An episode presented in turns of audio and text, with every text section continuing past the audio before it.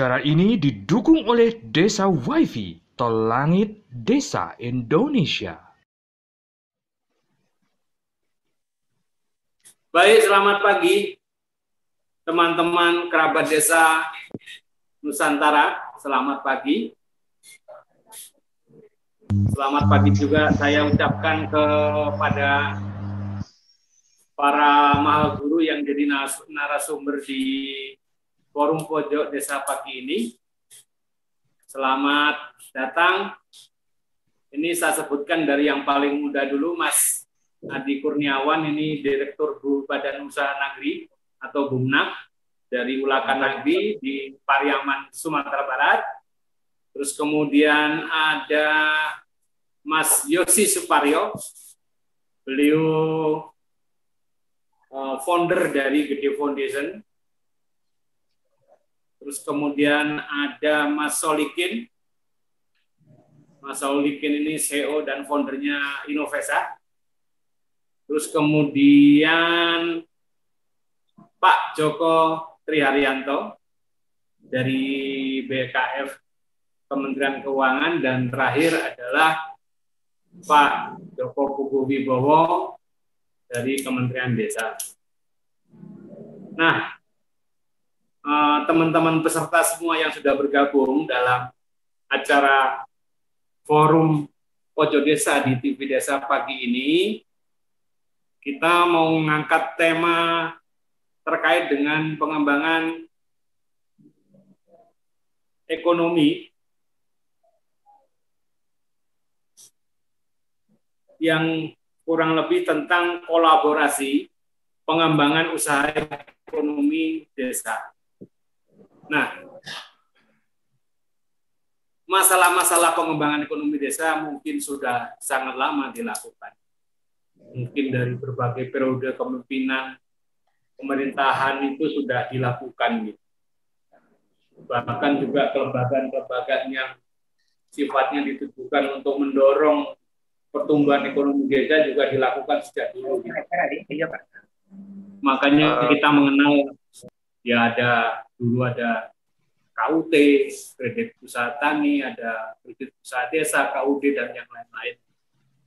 Nah, makin terus ke depan masalah-masalah pengembangan usaha ekonomi desa ini terus dilakukan gitu. Sampai kemudian eh, bagaimana mengkolaborasi. Nah, kolaborasinya mungkin juga bisa kita lihat begini ada kolaborasi dalam uh, satu desa. Artinya dari berbagai unsur di desa, berbagai unsur yang dia punya potensi ekonomi di dalam desa itu dikolaborasikan.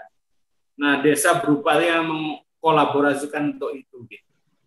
Nah, kemudian dengan pemikiran-pemikiran itu, terus kemudian muncul salah satu pemikiran adalah BUMDes atau Badan Usaha Desa. Kenapa Badan Usaha Desa? Barangkali karena badan ini dimiliki bersama, ada modal desa, ada modal masyarakat, 51 persen desa, 49 persen mungkin masyarakat dan yang lain. Gitu. Terus kemudian ada asas gotong royong, kekeluargaan, ada juga muatan lokal yang kebijakan lokal yang dikedepankan. Terus kemudian juga uh, BUMDes berusaha mengangkat potensi yang ada di desa. Potensi-potensi ekonomi di desa, baik di sektor pertanian, perkebunan, sektor wisata, sektor dari sumber alam yang dimiliki desa, dan yang lain-lain. Terus kemudian juga tenaga kerjanya juga dari warga desa. Terus kemudian kemudian keuntungan yang didapat juga untuk pendapatan asli desa untuk mensejahterakan masyarakat desa dan kemudian juga kebijakan yang diambil juga berdasarkan musyawarah desa. Ini luar biasa. Terus kemudian peraturan yang dilakukan pun adalah menjadi satu kebijakan desa.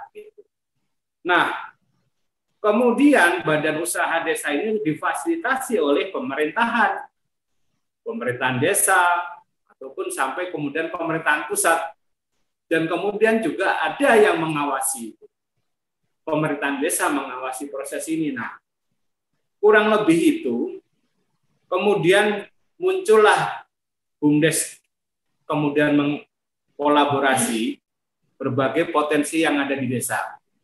Nah, kemudian untuk mendorong yang lebih, dibutuhkanlah satu kolaborasi yang lebih besar. Mungkin ini kebijakan pemerintah pusat terkait dengan berbagai kelembagaan yang ada seperti kementerian. Nah, kolaborasi-kolaborasi yang di lintas sektor kementerian ataupun KL ini yang juga diharapkan bisa turun ke desa. Apalagi dengan satu semangat sekarang bahwa pasca COVID, pasca pandemi, mungkin ekonomi bisa muncul dari desa, pertumbuhannya luar biasa gitu. Nah, tentunya kalau dari tingkat pemerintahan pusat banyak sekali yang bisa dikolaborasikan. Ada Kementerian UKM, Koperasi dan UKM, ada Kementerian Pertanian, ada Depdagri, terus kemudian Eh, lembaga-lembaga lain, ada BUMN dan yang lain-lain yang semuanya sebetulnya ada Kementerian Lingkungan Hidup dan Kehutanan yang semuanya bisa dikolaborasikan untuk mendorong pertumbuhan ekonomi di desa. Nah, dalam tema pagi ini karena kita mengangkat kolaborasi pengembangan usaha ekonomi desa, kita mau coba seperti apa sih satu konstruksi gitu yang baik sehingga ini bisa diadopsi sama teman-teman peserta, teman-teman juga penggiat badan usaha desa, kurang lebih seperti apa yang diharapkan tentang kolaborasi seperti ini gitu.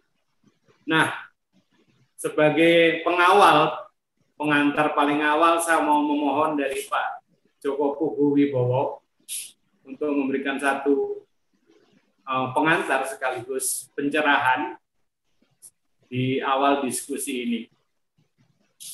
Mungkin Pak Joko Puguh, monggo langsung disambut. Pak Joko. Ya, terima kasih. Ya. Assalamualaikum warahmatullahi wabarakatuh. Selamat pagi untuk semuanya. Selamat pagi Mas Tri, kemudian Mas Adi Kurniawan, Mas Yosi, Mas Solikin, dan peserta webinar. Ya, terima kasih Mas Gatot diberi kesempatan untuk apa? Untuk bicara di acara pojok desa ini. Sebenarnya saya sudah sudah mau puasa dengan webinar sebenarnya, tapi yang minta Pak Lurah ya, ya saya top apa? Acara saya ini untuk Mas Gatot. Cuma sayang saya ada beberapa ada beberapa apa? Beberapa catatan. Nanti kalau ada bahan bisa di, di ini. Tapi saya secara langsung akan lisan aja. Saya tidak ya. menyiapkan untuk apa? Untuk share screen. Tapi saya ada nanti kalau mau dibutuhkan bisa bisa nanti menghubungi Mas Gatot. Tapi intinya begini bicara tentang kolaborasi pengembangan usaha ekonomi desa. Ini menarik ini sebenarnya. Bayangan saya kalau 75 ribu desa ini sekarang ini melakukan kolaborasi seluruh persoalan ekonomi kita itu selesai itu. Mau mau menjelang mau COVID, pasca COVID maupun sebelum COVID. Karena kenyataannya bahwa di masa resesi dua kali ini sektor pertanian justru meningkat. Semuanya ambles kontraksi justru kontraksi positifnya di sektor pertanian. Tapi inilah kolaborasi sebenarnya. Jujur Gatot dan teman-teman saya itu kan baru lima tahun tuh berteman dengan Mas Gatot saya dulu peneliti di ketransmigrasian, peneliti di transmigrasi. Sejak adanya Undang-Undang 6 ini saya berbalik arah mencoba untuk mempelajari desa. Ternyata desa itu tidak ternyata lebih rumit dibandingkan dengan kalau kita menangani transmigrasi gitu loh. Tapi intinya begini, kalau saya belajar, saya memahami sekarang ini kolaborasi waktu kita transmigrasi di zaman yang katanya orde orde baru ya, ternyata itu lebih kuat. Kemudian antar sektornya ya, walaupun waktu itu ada pendekatannya sentralistik, kebijakan spasial, tapi kolaborasi antar sektornya berhasil. Nah, sekian ribu desa-desa, sekian ribu kecamatan, sekian kabupaten itulah hasilnya sebenarnya. Nah, memang rejimnya berbeda, lepas dari persoalan-persoalan yang lain. Tapi tapi mari kita coba untuk melihat apa ya, melihat pengertian kolaborasi dulu. Kolaborasi, kerjasama, kemitraan itu sebenarnya mempunyai makna yang yang berbeda-beda Pak Ali, tapi itu kadang-kadang dipertukarkan. Tapi intinya mesti mesti ada dua pihak untuk untuk saling ber, apa, bekerja sama untuk mencapai tujuan itu yang yang penting sebenarnya. Jadi kalau kita lihat konsepnya antara kolaborasi ini nanti kita bisa pertukarkan, tapi yang jelas pasti ada unsur. Pasti ada apa yang dikerjasamakan, siapa pelakunya, kemudian apa tujuannya. Nah, ini ini ini makna daripada entah kolaborasi, kerjasama, dan dia pasti setingkat. Tidak ada subordinasi, dia lebih tinggi, ini lebih lebih rendah. Itu prinsip daripada kolaborasi. Kemudian kalau kita lihat tujuannya itu kan mesti mesti apa prinsipnya itu kan mesti berbasis kebutuhan. Orang bekerja sama pasti ada basisnya pasti kebutuhan. Pasti dia tidak hierarkis mestinya. Kemudian saling menguatkan. Itu prinsip daripada apa daripada kolaborasi. Kemudian tujuannya ada beberapa teori, beberapa catatan tapi coba kita ringkas yang jelas kalau dalam konteks desa pasti dia untuk meningkatkan kualitas pelayanan publik, kemudian meningkatkan sistem pengelolaan lingkungan, konservasi, pelestarian fungsi lingkungan, nah, kemudian mengembangkan sektor potensial. Ini beberapa ciri daripada tujuan daripada kolaborasi.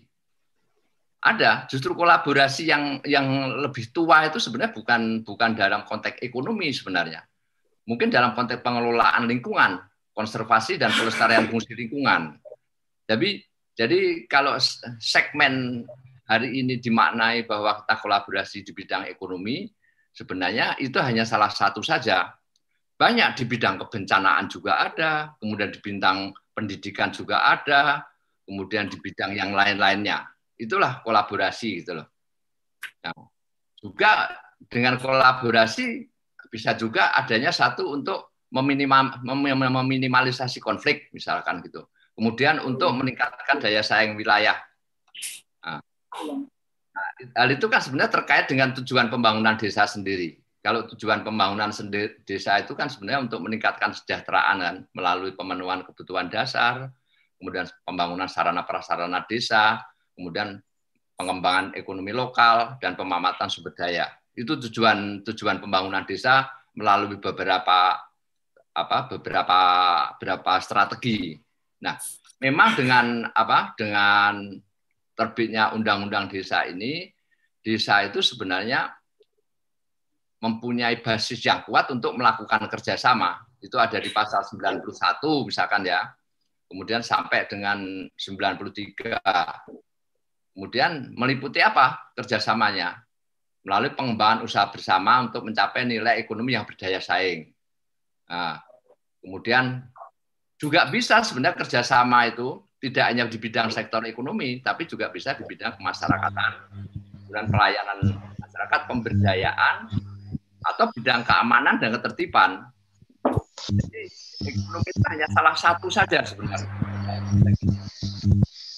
Nah ini.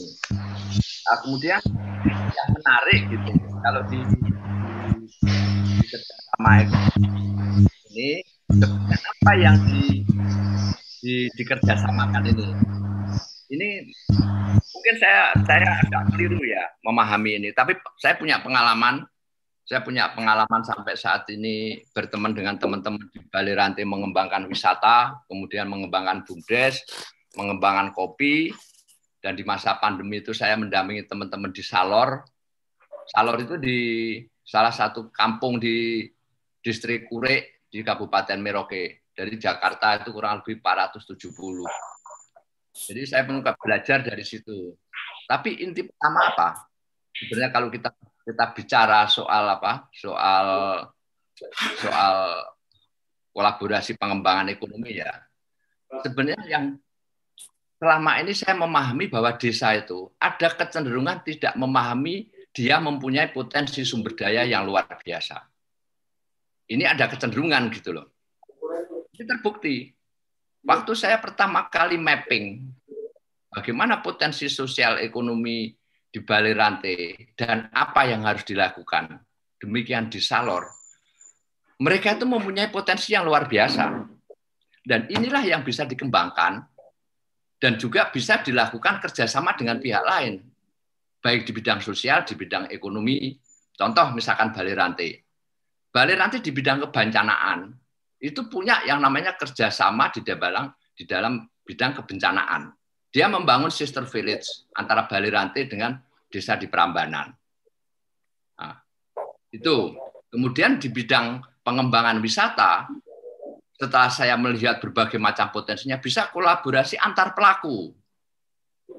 Nah, dalam konteks untuk pengembangan ekonomi. Jadi dalam konteks pengembangan ekonomi tidak hanya bicara soal transaksional, soal jual beli, soal menambah ekonomi, tapi di dalam pengembangan ekonomi itu juga di dalamnya melekat di peningkatan kapasitas keterampilan pengetahuan, kemudian melekat juga di situ adalah transfer transfer knowledge, kemudian transfer macam-macam. Jadi sebenarnya di balik pengembangan usaha ekonomi itu itu banyak kolaborasinya. Ini ini pengalaman di balik rantai saya. Bagaimana untuk mengembangkan satu ekonomi misalkan saya mendengar konsep pengembangan ekowisata, kolaborasinya ternyata ekosistemnya wisata itu sendiri. Jadi sumber daya ekonomi itu itu luar biasa. Tidak bisa sepisah hanya ini hanya dengan operator operator wisata. Ini hanya tidak bisa bicara dengan teman-teman yang menjual apa? menjual jasa layanan transportasi. Tidak seperti itu sebenarnya. Jadi sebenarnya yang sebelum kita bicara ke arah yang eko, ekonomi sebagai sebagai apa sebagai tujuan untuk menghasilkan laba, dibaliknya itu panjang urusannya. Kalau kita hanya berharap dengan dengan pengembangan ekonomi itu yang itu menjadi pilar pertama, pilarnya artinya tujuannya adalah ekonominya itu, nilai rupiahnya, jumlah pengunjung. Ini akan berbeda nanti hasilnya. Karena di baliknya itu ada untuk mencapai itu itu ada satu pengembangan-pengembangan kolaborasi di bidang sosial, di bidang di bidang pendidikan, kemudian bidang transfer knowledge, teknologi. Nah ini contoh di Bali Rantai. Bali Rantai saya mengembangkan kopi. Ternyata kopi itulah ada satu masab yang namanya fair trade dan direct trade itu. Mereka punya konsekuensi yang macam-macam. Kalau fair trade itu sangat sangat apa ya, sangat teknokratis dengan waduh persyaratan itu tapi kalau direct trade enggak. Direct trade selama ada kesepakatan antara orang di hilir, dalam hari ini gede-gede kopi, yang mereka punya idealis dengan petani, sepakat ya dibeli.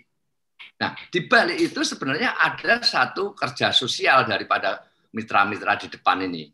Kolaborasi antara di hilir yang namanya apa barista, kemudian pengusaha kopi, roaster, itu memberikan transfer knowledge baik di bidang budidaya, di bidang processing, di bidang packaging. Nah, ini sebenarnya yang yang dibalik sebenarnya dibalik kolaborasi itu hati-hati. Jangan langsung hanya bicara soal bagaimana kelembagaan BUMDes ini untuk mengembang. Tidak semudah seperti itu. Pasti nanti akan tidak tidak hati-hati akan terjadi kapitalisasi desa saya tidak mau selama ini Balai Rantai itu seperti kasus saya, saya dengan cerita saya sendiri pengalaman Balai Rantai. Balai Rantai ekowisata adalah pelakunya adalah masyarakat lokal, mendapat manfaat masyarakat lokal dan pengunjung mendapatkan manfaat tanpa harus mereka merubah kondisi sosial ekonomi desa. Ini ini di Balai Rantai dan banyaklah konsep konsep ekoturisme seperti itu sebenarnya. Tapi artinya apa? Kalau kita kembali lagi, sumber daya desa itu apa? Kita pahami sebelum kita melakukan kolaborasi. Sumber daya desa itu ada sumber daya alam.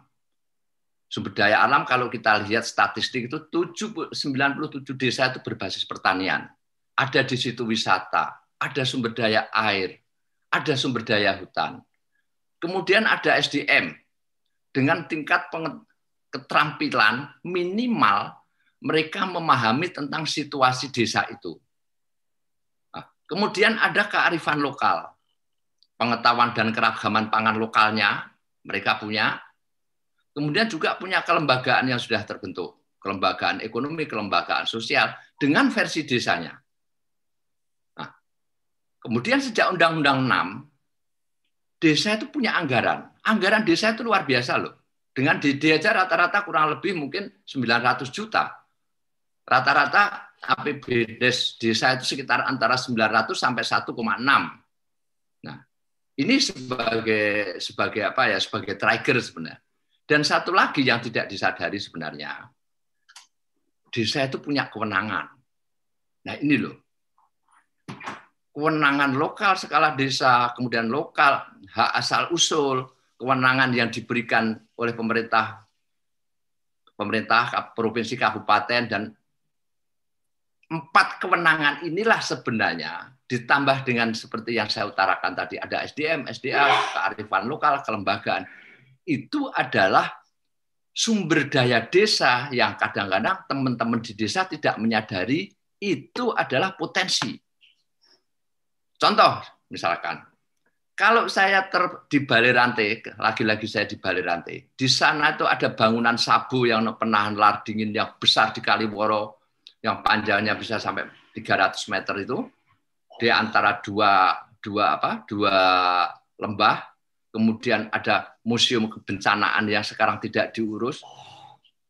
Ini kan bagi saya ini potensi untuk wisata gitu ada satu bak air yang dibikin oleh yayasan Dian Desa yang di depan di pertigaan itu bagi saya ini atraksi tapi kalau saya bicara itu teman-teman di desa akan kaget mas Pak Joko melihat kayak gitu aja kok kagum. Nah ini loh.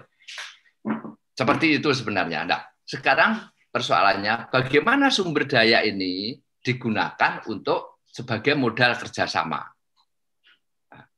Ini kuncinya kan satu, Mas Gatot dan teman-teman. Sebenarnya ya. dengan kita melakukan satu mapping yang benar, kemudian kita dampingi dengan kita advokasi pendampingan dengan prinsip yang tidak hierarki, berbasis kebutuhan saling menguntungkan, oleh para pihak, inilah sebenarnya inti daripada bagaimana mengarus utamakan yang namanya kolaborasi dalam perencanaan pengembangan desa, termasuk di dalamnya adalah pengembangan ekonomi. Memang keterbatasannya apa? Ya, ini keterbatasan. Teman-teman di desa tetap satu keterbatasan yang saya saya catat di sini ya, melakukan identifikasi potensi sumber dayanya. Baik dalam bentuk power, dia punya power dalam bentuk kewenangan, itu tidak sadar gitu loh. Dan itu tidak salah. Karena 30 tahun kita di bawah rezim itu tidak pernah ada yang namanya semua sama kebebasan. Dan kemudian punya yang namanya energi, sumber daya alam, sumber daya uang, sumber daya manusia, kearifan lokal. Tapi kalau power dalam bentuk kewenangan dan energi dalam bentuk sumber daya ini tidak dieksekusi. Nah, ini persoalannya. Nanti mereka akan bekerja biasa-biasa. Tidak pernah mau ber, berpikir kreatif. Begitu ada mapping dari pihak luar ada sesuatu yang baru ya tinggal aja kolaborasi udah kerjasama saya membangun ini ini ini nanti selesai saya dapat manfaat. Tapi kan bukan itu sebenarnya sebenarnya yang diinginkan dengan pengelolaan apa eh, kolaborasi pengelolaan usaha unit desa. Nah, ini yang penting sebenarnya. Yang penting adalah lah siapa yang melakukan ini? Kalau desa punya keterbatasan, di situ ada yang namanya pendamping lokal desa, pendamping desa, tim asistensi, baper mades, dan OPD-OPD. Lah mereka inilah yang harusnya bergerak bersama-sama untuk bagaimana melakukan satu proses untuk pengembangan ekonomi tadi melalui satu mapping dan langkah-langkah kerja. Itu Mas Gatot. Nah, terakhir ini Mas Gatot. Dinamika ya. kolaborasi yang saya catat ya. Kolaborasi. Kalau Mas Gatot misalkan dan teman-teman itu ke Bebeng, itu mulai tahun kurang lebih tahun 62 itu ada pengelolaan air yang bersumber dari Bebeng. Bebeng itu itu masuknya Gelagaharjo, provinsinya DIY, kabupatennya Sleman. Awalnya digunakan empat tiga desa, itu semua di wilayah di wilayah apa? Di wilayah DIY. Pasca erupsi 78 dibangun lagi, justru digunakan satu desa yang menerima manfaat di DIY, tiga desa di Klaten, di Jawa Tengah. Mereka nggak ada konflik tuh. Artinya apa? Kalau kita pelajari tentang ada faktor sosiologis di situ berperan. Di situ ada pemimpin lokal yang punya kebijakan yang arif. Bagaimana kelebihan air itu tidak yang dulu sejarahnya itu mengalir di selokan, itu boleh digunakan oleh teman-teman yang tiga desa yang sekarang penerima manfaat di, di Jateng itu. Kemudian kebencanaan, ada satu uh, kolaborasi antara desa penyangga dengan desa atas. Itu ada di Harjo dengan Argomulyo. Kemudian Bali Rantai dengan Kebun Dalem. Nah, kopi sebenarnya. Ini menarik ini. Kopi ini, coba, yang kolaborasi yang dibentuk secara top down dari atas, ini saya juga kaget dan wujudnya nanti kerjasama antar desa sebenarnya. Di baliknya ada kerjasama pengembangan ekonomi. Itu tiga desa yang saya dampingi itu, tahu-tahu dapat 150 juta. Saya tanya ini untuk apa? Pengembangan kopi. Tapi konyolnya itu harus diberikan alat. Waduh, coba ini. Jadi hal-hal seperti ini justru justru esensi daripada kolaborasinya hilang karena bersifat top down bagi saya, dulu saya tawarkan 150 juta, saya tuh bicara mulai dari dulu ke hilir. Mulai dari eh, transfer teknologi, kemudian transfer manajemen kopi, sampai dengan processing. Nah ini loh. Kemudian kopi Bali Rantai, saya saya bicara, saya punya pengalaman kopi Bali Rantai, saya bagaimana melalui kemitraan ya. Kemitraan, bagaimana saya mempromosikan kopi Bali Rantai itu di Jakarta, kemudian di teman-teman di di apa di Jogja. Di Jakarta waktu itu sampai ikut Jakarta Coffee Week tahun 2017. Itu cukup cukup fenomenal. Teman-teman di Jogja kaget kok ada kopi Bali Rantai ini. Itu kemitraan. Siapa yang bangun kemitraan? Ya kita-kita dari pihak luar. Kita transfer mereka prosesnya harus tegas, yang jelas, petik merah, proses yang apa sortir yang jelas, kemudian hamparan tidak boleh di dihamparin di tanah. Nah, seperti itu loh Mas Gatot. Artinya ya. bahwa kolaborasi, kolaborasi ekonomi itu dibaliknya ada beberapa kolaborasi yang panjang. Nah, sebelum mencapai satu kolaborasi ekonomi perlu dilakukan satu mapping, dilakukan kolaborasi. Ya, ya, Mas terus. Di atas, yang yang penting. Saya pikir itu pengantar dari saya, Mas Gatot. Ya. Nanti bisa di apa diperdalam di ya. di, apa di diskusi. Betul ya. Mas Gatot. Ya, terima kasih Pak Joko. Kita kasih aplaus dulu untuk Pak Joko. Ini luar biasa. Pak Joko sebetulnya menggambarkan satu satu uh, rentetan yang sangat jelas benang merahnya tentang masalah-masalah apa yang ada di desa kalau kolaborasi itu memang pasti tujuannya dia untuk mencapai tujuan lah. Terus kemudian berbasis uh, pasti ada satu kebutuhan yang menjadi latar belakang. Terus kemudian uh, tidak hierarki, terus kemudian juga saling menguntungkan dan kemudian ini bisa meningkatkan potensi desa dan juga di sektor antar desa. Nah, tapi yang paling menarik itu adalah tentang kolaborasi yang dilakukan secara internal di desa terkait dengan uh, potensi desa, kewenangan desa, terkait dengan kearifan lokal juga, terus kemudian juga uh, potensi dan sumber daya alam yang ada di desa itu. Nah, kearifan di lingkungan, pengelolaan lingkungan, konservasi ini juga sangat luar biasa karena ini menyentuh dasar yang paling utama adalah satu ekosistem. Ekosistem itulah yang kemudian membutuhkan banyak kolaborasi. Kalau dia dikembangkan menjadi wisata, area agro, kebun kopi, dan yang lain-lain. Nah, dari Pak Joko bahwa eh, kita bisa menarik satu pelajaran yang sangat mendasar sebetulnya bahwa sebelum berbicara eh, terlalu banyak yang uh, maksudnya urusan kolaborasi di luar, barangkali kolaborasi dalam satu lingkup desa atau antar desa inilah yang dibutuhkan. Nah, saya mencatat seperti itu mungkin masih banyak juga yang harus ditambahkan, tapi mungkin juga eh, kita mau mendengar dari yang paling muda ini karena dia juga uh, pengelola bumdes.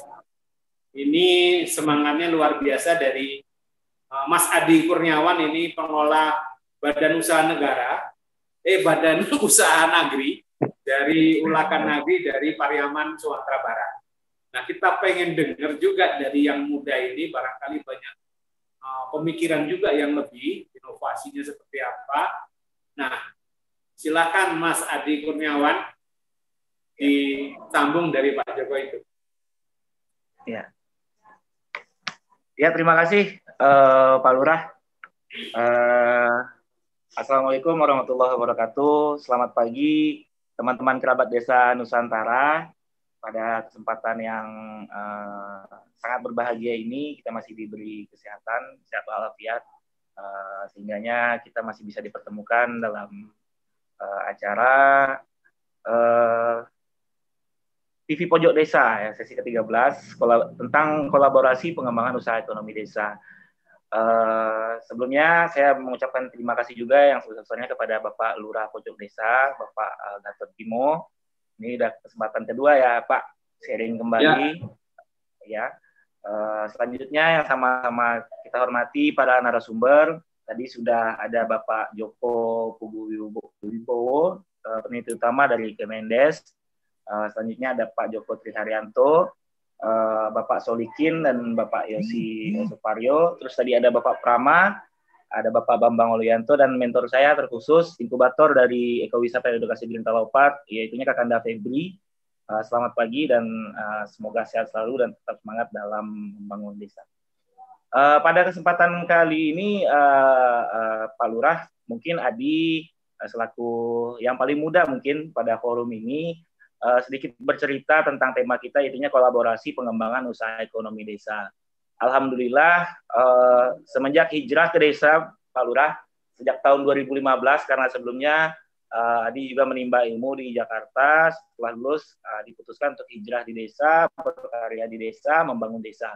Nah, terakhir uh, kita kemarin dikunjungi itu oleh Deputi Pemerintahan uh, Pembangunan Wilayah dan Eh, penanggulangan bencana Kemenko PMK yaitu Bapak uh, Dudi Usodo beserta tim dari Kemenko PMK dan Kemendes ini juga menekankan tentang uh, kolaborasi uh, pengembangan usaha ekonomi di desa khususnya di Nagari Ulakan uh, Pak Lurah.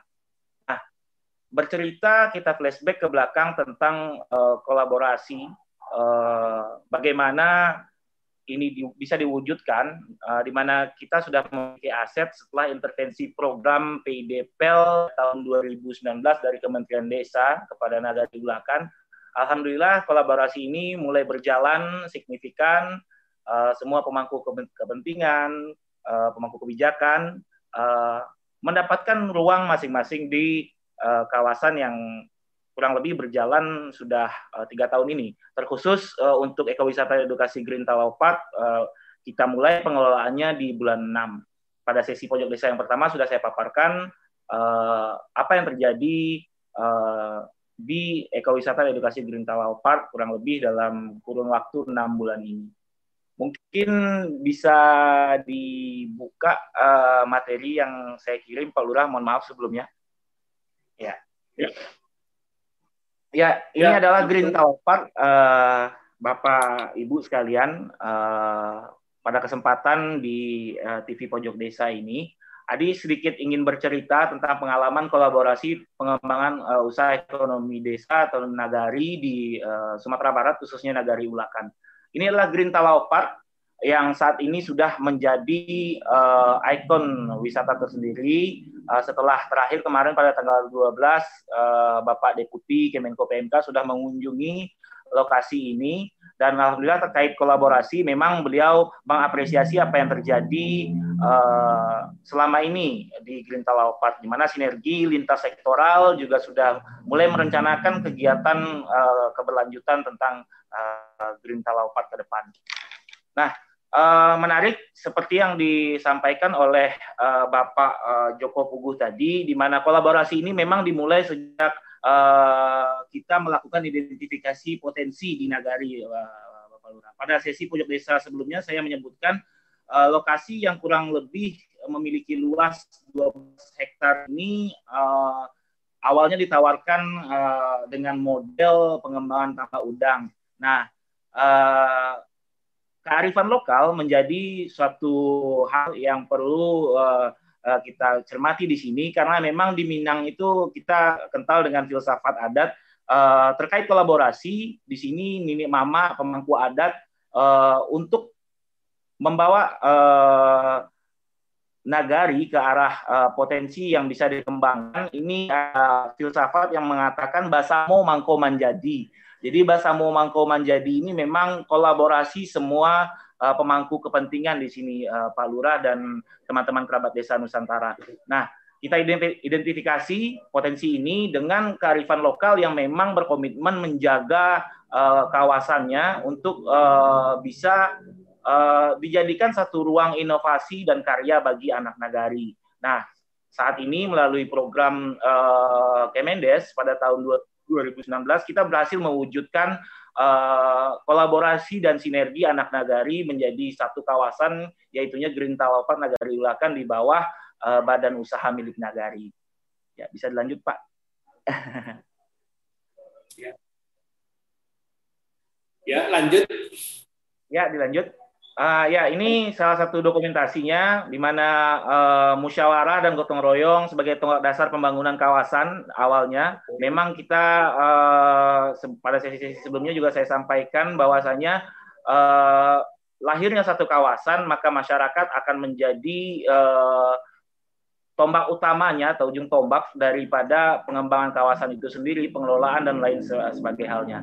Nah, Melalui program PIDPL kita uh, kuat diberikan uh, satu model kemitraan di mana badan usaha milik nagari di sini bermitra dengan uh, beberapa kelompok masyarakat. Alhamdulillah di sini kita berdayakan uh, uh, kelompok sadar wisata dan kelompok usaha ekonomi masyarakat nagari untuk uh, pengelolaan uh, produk unggulan nagari uh, di mana pasarnya tersendiri uh, masyarakat ini uh, saat ini sudah mulai mendapatkan pasar yang pasti karena uh, masalah sebelumnya adalah terkait masalah pasar untuk pemasaran produk. Alhamdulillah melalui intervensi program daripada Kementerian Desa dan melalui kolaborasi uh, kemitraan yang terjalin erat selama ini di kawasan ekowisata dan edukasi di Lintawapang Nagari Ulakan ini mulai berjalan uh, dengan baik. Ya lanjut Pak. Nah, ini uh, seperti yang saya sebutkan tadi, di mana uh, komitmen bersama Basamo Mangko Manjadi tadi, kita tidak uh, menggunakan uh, tenaga luar untuk uh, membangun kawasan ini. Uh, tercatat dari tahun 2015, uh, ini intervensi dana desa sudah masuk ke kawasan ini, Bapak Lurah dan kawan-kawan kerabat desa, di mana memang uh, komitmen Basamo Mangko Manjadi tadi uh, di uh, Nagari Ulakan kini menjadikan uh, wajah uh, kawasan ini memang uh, kawasan yang uh, diminati oleh uh, wisatawan uh, khususnya di Padang Pariaman. Nah, uh, intervensi program uh, PIDPL memang kuat uh, mengedepankan kemitraan karena memang uh, bukan hanya badan usaha milik nagari selaku leadership daripada pengelolaan di uh, Green Talau Park kita memberdayakan uh, semua lapisan aspek masyarakat di sini.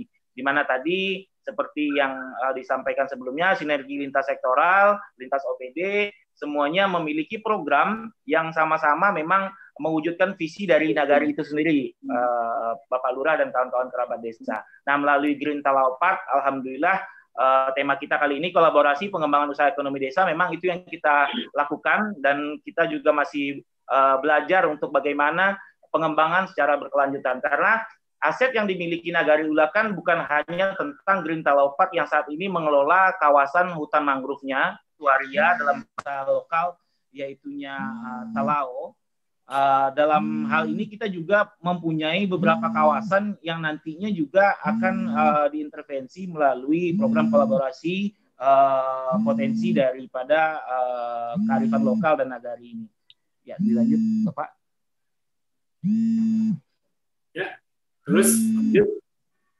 Nah, ini aset setelah intervensi program PIDPL uh, yang saat ini diakses oleh uh, para pengunjung, uh, di mana kawasan yang dirintis sejak tahun 2015 ini uh, mulai uh, dirasakan dampaknya khususnya bagi masyarakat di Nagari Ulakan, Bapak. Mana landscape alam sebagai uh, potensi utama untuk pengelolaan uh, berbasis masyarakat di Nagari, karena hmm. kita di sini menggunakan atau memilih konsep community based ecotourism di mana dari dan oleh serta untuk masyarakat terkait perencanaan, pelaksanaan, hasil serta pengembangan kita tak lepas dari kolaborasi bersama masyarakat, uh, pemerintah dan uh, lintas sektoral yang memang uh, mengkhususkan uh, tenaga dan pikirannya uh, untuk mengembangkan kawasan ini ke depannya.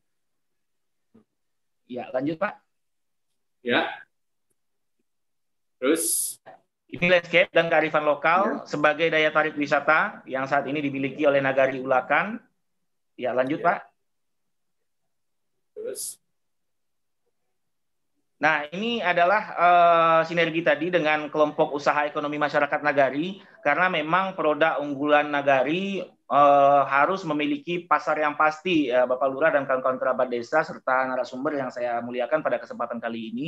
Nah, melalui intervensi program dari Kementerian Desa tahun 2019, eh, penguatan kapasitas SDM juga di sini penting eh, untuk bagaimana betul-betul eh, masyarakat nagari ini memang bisa mandiri dengan produk-produknya sendiri melalui pengelolaan. Nah, ini kurang lebih saat ini kita berdayakan 45 orang ibu-ibu di nagari untuk mengolah bahan olahan ini seperti yang digambar kita lihat itu ada uh, jus nipah, uh, terus ada kepiting bakal yang selama ini memang uh, masyarakat nagari itu uh, disulitkan dengan permainan tengkulak. Alhamdulillah melalui intervensi program PDPL dan dana desa uh, kurang lebih dalam kurun waktu lima tahun uh, melalui badan usaha milik nagari, ibu-ibu ini mulai uh, mendapatkan pasar yang pasti. Ya lanjut Pak. Ya terus Nah, ini dampak yang kita rasakan uh, setelah intervensi program uh, kurang lebih dari tahun 2019, uh, di mana pembangunan dimulai pada tahun 2019. Nah, pemberdayaan sebagai uh, pengelola itu kita libatkan semuanya untuk operasional ada 25 orang dan 45 orang itu uh, terdiri dari kelompok usaha ekonomi masyarakat Nagari dan 12 orang itu dalam kepengurusan Badan Usaha Milik Nagari. Kurang lebih uh, hampir 90 orang uh, itu sudah merasakan dampak dari uh, pengelolaan ekonomi berbasis ekowisata dan edukasi Green Talaopat. Nah, menjamurnya toko-toko di sepanjang jalan itu ada dampak pariwisata karena uh, menurut beberapa uh, teori memang uh, pariwisata yang baik itu pariwisata yang berdampak langsung untuk masyarakatnya gitu. Nah, ini kita rasakan uh, kurang lebih selama enam bulan karena setelah intervensi program kita harus uh, jeda sebentar terkait COVID gitu, uh, Bapak Lurah dan kerabat desa sekalian. Ya, lanjut Pak. Ya, lanjut. Terus? Nah, ini kolaborasi yang dilakukan oleh Bumnak uh, itu bersinergi dengan pemerintah, uh, mulai dari pemerintah kabupaten, provinsi, sampai ke pemerintah pusat. Kita terus melakukan koordinasi, kita terus melakukan uh, konsultasi terkait pengembangan, terkait ya. pelaksanaan, Eh, kita memang minta terus pendampingan karena jujur uh, kita di Nagari Ulakan masih uh, berproses untuk menjadi nagari yang mandiri. Selanjutnya kita juga uh, terus ber, bersinergi dan konsultasi dengan inkubator kita, yaitu yang pelaku bisnis profesional, akademisi untuk melakukan pendampingan secara intens. Nah ini kom, uh, konsep yang dimiliki oleh masyarakat nagari yang tertuang dalam uh, kearifan lokal yang saya sebutkan di awal tadi Basamu Mangkoma jadi itunya kalau di Iya, iya. Terus Ya. Ya, terus Mas Adi.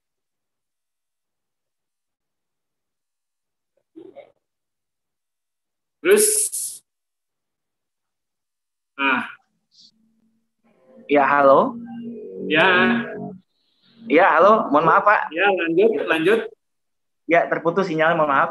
Ya, Ya. ya, Nah, ini event event-event yang eh, saat ini digemar dilaksanakan di lokasi karena memang eh, terkait kolaborasi kita di sini menyalurkan semua wadah eh, sebagai wadah maksud saya eh, wadah eh, apresiasi, wadah ide-ide dan inovasi daripada anak nagari itu sendiri untuk melahirkan paket wisata di lokasi yang kita miliki saat ini. Alhamdulillah seperti paket-paket wisata minat khusus ini langsung ditawarkan oleh eh, Pok Darwis dan bekerja sama eh, dengan badan usaha milik Nagari. Ya, lanjut Pak.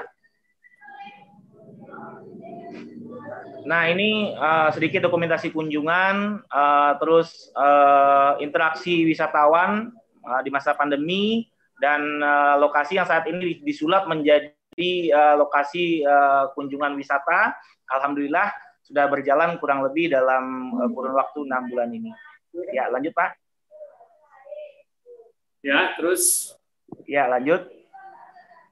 Hmm, Nah, ini dokumentasinya alhamdulillah eh, pada sesi pojok desa sebelumnya eh, Green Talk Park saat ini memang eh, mulai digemari oleh eh, para eh, pemburu foto eh, Instagramable untuk postingan di sosial media. Kita beri wadah as- eh, aspirasi dan inovasi anak nagari untuk sama-sama dalam hal ini terkait tema memang berkolaborasi di eh, lokasi yang disediakan oleh eh, nagari. Ya, lanjut Pak. Nah, selain itu pemerintah juga memberikan kita ruang untuk berbagi eh, Bapak eh, Lurah dan kerabat desa sekalian. Kita di sini diberikan ruang untuk berbagi inovasi, berbagi cerita dan pengalaman kepada desa-desa yang eh, ingin juga melakukan ya, terus, terus, ya, lanjut, eh, dinas, ya, ini nah, dinas pariwisata, eh, dinas lingkungan hidup dan dinas eh, pemberdayaan masyarakat desa yang Ya. jadi ya, terus, ya lanjut Pak. ya, Nah, ini uh, kita juga sudah mulai uh, diminta memberikan pendampingan pada forum-forum diskusi dan pelatihan kepariwisataan di Sumatera Barat terkait pola kemitraan yang uh, kita lakukan uh, pada program PIDP Kementerian Desa. Nah, ini kita sharing uh, bersama teman-teman uh, di Pokdarwis Sumatera Barat sudah kita lakukan bekerjasama dengan Dinas Pariwisata Provinsi Sumatera Barat. Ya, lanjut Pak. Ya. Nah ini eh, terakhir kemarin alhamdulillah kita didaulat sebagai eh, kelompok sadar wisata eh, terbaik eh, di eh, Sumatera Barat melalui gabungan industri Ya. pariwisata Indonesia Bapak melalui Dinas Pariwisata. Alhamdulillah. Oke, ini memang wa- eh, wujud apresiasi dari kolaborasi tadi Bapak eh, yang selama ini kita jalin kurang lebih dalam lima tahun terakhir untuk mengembangkan kawasan ini menjadi destinasi yang unggul, eh, unik dan memang eh, memiliki dampak yang besar bagi masyarakat. Ya, lanjut ya, Pak. ya, Nah, tentunya uh, monitoring dan pembinaan intensif ini juga uh, salah satu bentuk dari kolaborasi tadi. Uh, pemerintah pusat dan daerah selalu bersinergi untuk mengembang- mengembangkan uh, kawasan ini menjadi lebih baik lagi. Saya Iya, juga iya. sering berkoordinasi langsung bersama uh, teman-teman uh, di kerabat desa. Uh, kita minimal sharing dan cerita bagaimana uh, kita bisa uh, mengembangkan uh, lebih lanjut dan lebih baik lagi uh, karena memang potensinya luas uh, Bapak Lurah dan kerabat desa sekalian. Kita masih punya kawasan pulau itu lima pulau Bapak yang belum tersentuh sama sekali. Nah, sementara paket wisata sudah warawiri ke sana. Nah, ini yang jadi PR kita ke depan untuk pengembangan kawasan. ya, Itu ada kawasan uh, konservasi Ya. Pulau Pie namanya. Mungkin nanti di 2021 juga uh, sudah uh, banyak beberapa pro- program yang masuk seperti dari uh, Dinas Lingkungan Hidup untuk konservasinya. Uh, khususnya dana desa juga terus masuk ke lokasi dan uh, dana-dana pokir aspirasi dewan juga uh, diperuntukkan untuk lokasi ini di tahun 2021 nantinya Bapak. Alhamdulillah. Ya. Ya. Nah. Nah ini uh, sekedar laporan untuk uh, update terakhir dari bulan 6 kita operasikan uh, Green Talau Park saat ini uh, kunjungan uh, alhamdulillah sudah mencapai angka 52 ribu pengunjung dengan total omset sampai uh, awal November kemarin uh, 337 yeah. jutaan Bapak. Ini update terakhir. Alhamdulillah dan memang komitmennya juga uh, sudah dituangkan uh, di peraturan nagari ya menggunakan uh, kearifan lokal tadi dari dan oleh untuk masyarakat. Ya lanjut Pak. Ya. Nah ya. dari hasil tadi uh, kita peruntukkan itu untuk operasionalnya tersendiri untuk biaya-biaya beban gaji uh, daripada masyarakat yang kita berdayakan di lokasi itu untuk operasional ada 50 persen, uh, pemeliharaan aset, ada penambahan aset dan PAD pendapatan untuk nagari itu sendiri. 20%. Nah, Ya, 20 persen. Nah, ini uh, range persentase yang kita peruntukkan selama ini dan itu dituangkan uh, di peraturan nagari. Ya, mungkin uh, itu uh, saya rasa untuk uh, pengantar pada uh, pertemuan ini, Bapak. Yeah. Terima kasih atas kesempatannya yeah, yeah. Uh, setelah memberikan waktu dan ruang untuk saya dapat sharing dan berbagi kepada teman-teman kerabat desa Nusantara. Terima kasih, Pak. Ya, Mas Adi Kurniawan, terima kasih. Mas Adi pimpinan dari Bumnak dari Ulakan Nagri ya. Ini luar biasa, kita berikan hapus tuh Mas Adi. Tadi juga paparannya lengkap sekali. Paling tidak bahwa seperti dibilang sama Pak Joko Kubu tadi tentang ada menyentuh kewenangan desa, asal usul kelembagaan, kearifan lokal dan yang lain-lain. Terus kemudian mapping potensi sampai pendampingan yang luar biasa sehingga kemudian uh, Grand Talau jadi satu andalan di badan usaha, badan usaha negeri yang tentunya adalah itu sebuah badan usaha bersama yang dimiliki desa dan masyarakat. Terus kemudian ada asas gotong royong kekeluargaan atau local wisdom. Terus kemudian juga memang muncul sebagai potensi desa yang ada, tenaga kerjanya tentu dari desa, terus kemudian juga tujuannya mensejahterakan desa, terus kemudian juga berbagai kebijakan yang diambil juga lewat musyawarah desa, dan kemudian juga ada proses fasilitas juga yang dilakukan dalam satu proses kolaborasi keluar ke pemerintah daerah dan pemerintah pusat juga kemudian secara internal, secara internal adalah ada satu hal yang sangat dipegang dalam kearifan lokal, yaitu peran ini mama di sana yang menjaga satu uh, prosesi adat. Jadi luar biasa di Ulakan. Nah, tadi gambarannya sudah jelas. Mungkin nanti saya mau minta uh, dari sisi lain cara pandangnya dari Pak Joko Triharyanto dari Kementerian Keuangan seperti apa barangkali eh, eh, masalah-masalah kolaborasi ini. Terus nanti dari Pak Joko, saya pengen tanya lagi ke Mas Solikin. Mas Solikin ini punya latar belakang banyak juga menyangkut BUMN. Dan terakhir dari Mahaguru nih Mas Yosi yang tentu akan menyentuh mana yang inovasi yang kurang dan sebagainya supaya jadi satu guidance yang menarik untuk teman-teman yang bergabung di sini. Nah, Pak Joko Triharyanto bisa ditambahkan pencerahannya? Silakan. Oh, bukan pencerahan lah, sharing saja Mas Gatot, Pak Kepala yeah. Desa. Terima kasih. Uh, selamat pagi menjelang siang. Assalamualaikum warahmatullahi wabarakatuh. Uh, salam sejahtera, semangat untuk semuanya sehat selalu. Yang ngapunten saya share screen sekedar ya, Pak Lurah ya. Sebentar. Nah, menindaklanjuti apa yang tadi disampaikan oleh uh, pembicara sebelumnya. Jadi memang kalau kita bicara isu tentang bagaimana meningkatkan ekonomi desa, itu mungkin niki Uh, kita kalau kami kan kami dari sisi Kementerian Keuangan ya, kami dari sisi financing.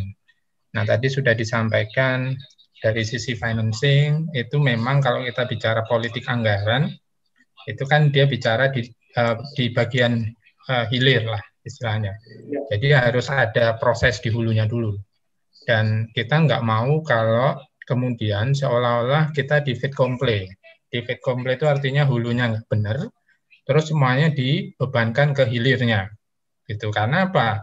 Kita sendiri kalau merujuk nomenklatur pendanaan, tadi Pak Prama sudah jelas sekali menerangkan bahwa eranya sekarang bukan era yang sekedar nunggu dana publik, gitu nggak bukan sekedar nunggu dana pemerintah. Meskipun kalau kita buka nomenklatur pendanaan, secara umum kan kita bisa bicaranya uh, pembagiannya seperti ini. Jadi ada dana publik, dana non publik. Dana publik itu siapa sih? Dana pemerintah, baik pusat maupun daerah. Daerah itu mulai dari provinsi sampai ke desa. Di pusat itu lewat kementerian dan lembaga. Nah, nanti hubungan antara pusat dengan daerah di tengah-tengahnya itu ada in between-nya itu, okay, itu kita tetap memberikan bantuan lewat skema apa namanya transfer ke daerah dan dana desa. Tuh, jadi nomenklaturnya seperti ini. Nah, kalau kita bicara dana publik itu nggak selalu bicaranya kan dari sisi pendapatan itu selalu ada insentif, ya. dari sisi belanja kita ngasih subsidi. Nah, yang kita dorong itu sekarang adalah aspek pembiayaan. Karena apa? Karena kalau kita cuma bicaranya dari sisi uh, apa, uh, pendapatan, insentif pajak, pengurangan, terus belanja subsidi, itu pendekatan yang sifatnya konvensional, tradisional, yang selalu nunggu dana publik. Inovasi itu justru kita dorong lewat pembiayaan. Karena apa? Karena kalau bicara pembiayaan, ini kemudian kita bisa menempatkan aspek pendanaan atau pembiayaan non pemerintah itu yang di depan. Nah, kami punya banyak mekanisme, punya banyak platform. Dan harapannya ini juga bisa dimanfaatkan sampai di level masyarakat di desa, BUMDes. Tapi ya itu tadi, ya, syaratnya adalah hulunya dibenerin dulu. Jangan kami seolah-olah dibroke, kalau bahasa Jawa ini kan dibroke dengan beban, ya ketika hulunya nggak dibenerin seolah-olah kemudian hanya sekedar pokoknya harus dibiayain. Nah itu yang kami juga nggak mau. Karena dalam 10 tahun terakhir kita sangat intensif untuk mendorong eh, sektor-sektor non pemerintah ini. Swasta tadi Pak Pramo dan jelasin KPBU mau POO, BOT terserah. Sudah ada Permendagrinya kerjasama pihak ketiga. Mau model BLU silahkan. Ya, regulasinya sudah penuh. Permendagri tentang BUMDes, BUMD, BLUD juga sudah ada di level nasional kami juga sudah punya badan pengelola dana. Jadi kalau mau isunya konservasi lingkungan hidup silakan. Ya, BPDLH ini itu juga uh, menjadi BLU pengelola dana pemerintah saat ini. Kami juga punya special vehicle namanya, PT SMI. Itu juga bisa mendorong. Nah, yang paling gede yang Mas proposal dari Pak Lurah sedang kami tunggu juga dari GCS. Nah, tapi kan ini kan gradasi nggih. Gradasi dari sisi kesulitannya, gradasi dari sisi kolaborasinya. Kalau kolaborasinya misalnya dengan sektor swasta, oke, berarti level BUMDes bisa sendiri. Misalnya dengan BPDLH, karena dia masih domestik, bisa berdiri sendiri. SDG One, ini karena di bawah kita, PT SMI, berarti bisa berdiri sendiri. Tapi kalau sudah mulai masuk internasional, kolaborasinya juga makin dihebatin lagi.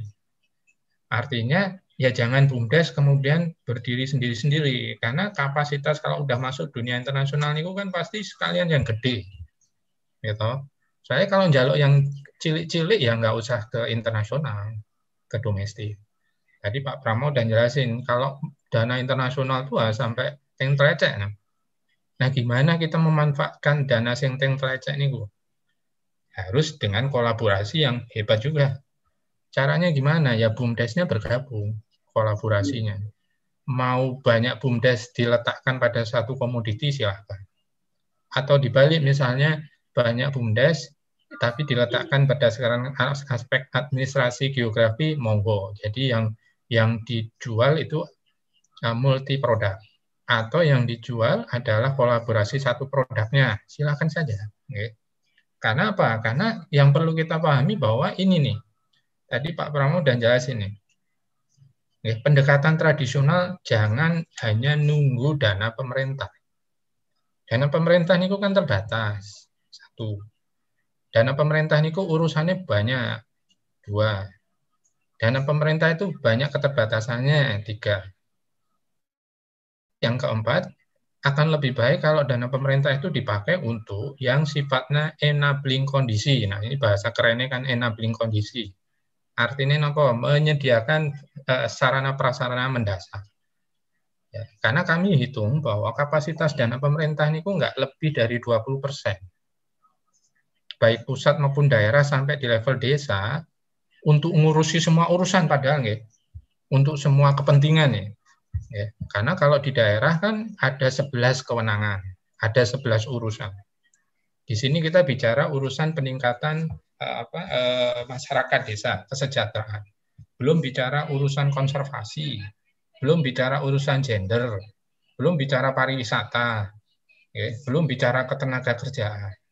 Nah, kalau semua urusan kemudian hanya nunggu dana publik, padahal ego sektoral katanya masih banyak, kompetisi antar sektor masih pelik, yang jenengan bayangkan saja 20% ini terus dapat apa, bisa jadi apa. Gitu. Ya bisa jadi kalau sekedar nunggu dana publik, APBN, APBD, ya kita hanya jalan di tempat. Makanya harus kita switch nih pendekatannya. Pendekatannya bukan cost center lagi.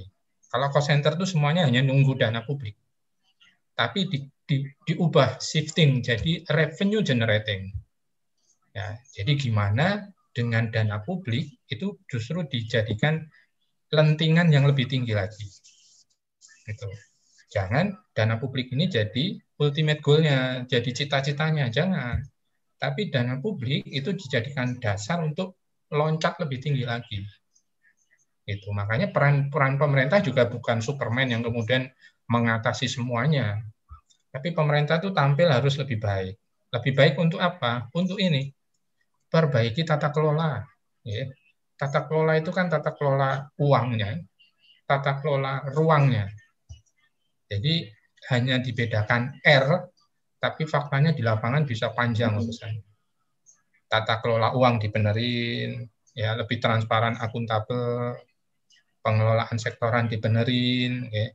Supaya apa? Supaya yang 80% non pemerintah itu dengan senang hati membantu pemerintah yang cuma 20% kapasitasnya. Nah, makanya isunya kalau kami bilangnya adalah beyond dana publik. Ayo ya, kita berlari dengan inovasi untuk tidak hanya nunggu dana publik. Tapi modalnya apa? Modalnya tiga ini.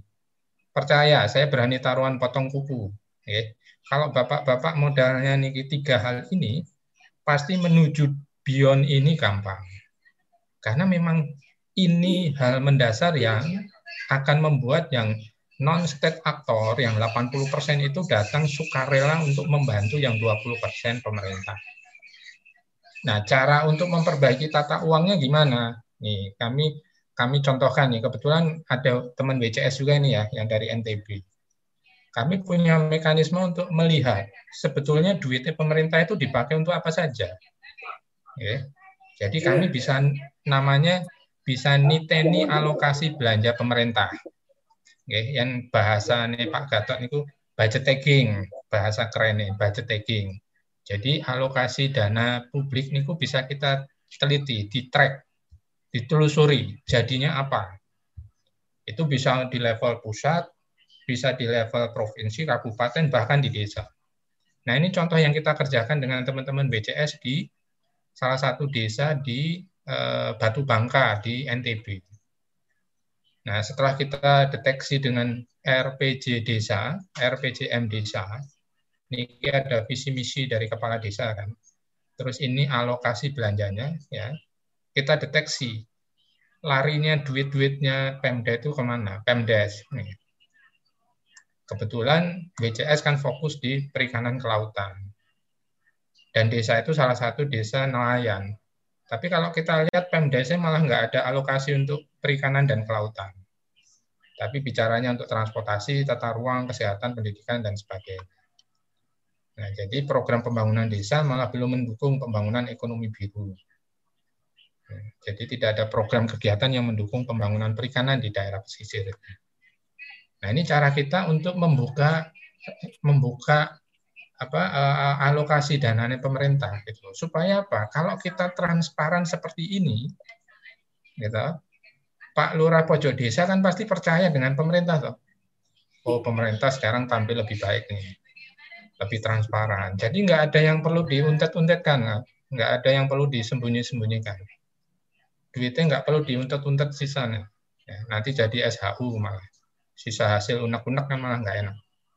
Jadi ini cara kita untuk membedah pemerintah, baik pusat, provinsi, kabupaten, bahkan di desa. Supaya apa? Supaya yang ini tadi ada perbaikan tata kelola. Nah, setelah itu baru kita bedah alokasi masing-masing. Ini kan Permendes terakhir untuk dana desa. Dana desa untuk lingkungan hidup bisa nggak? Bisa, udah ada semua. Okay.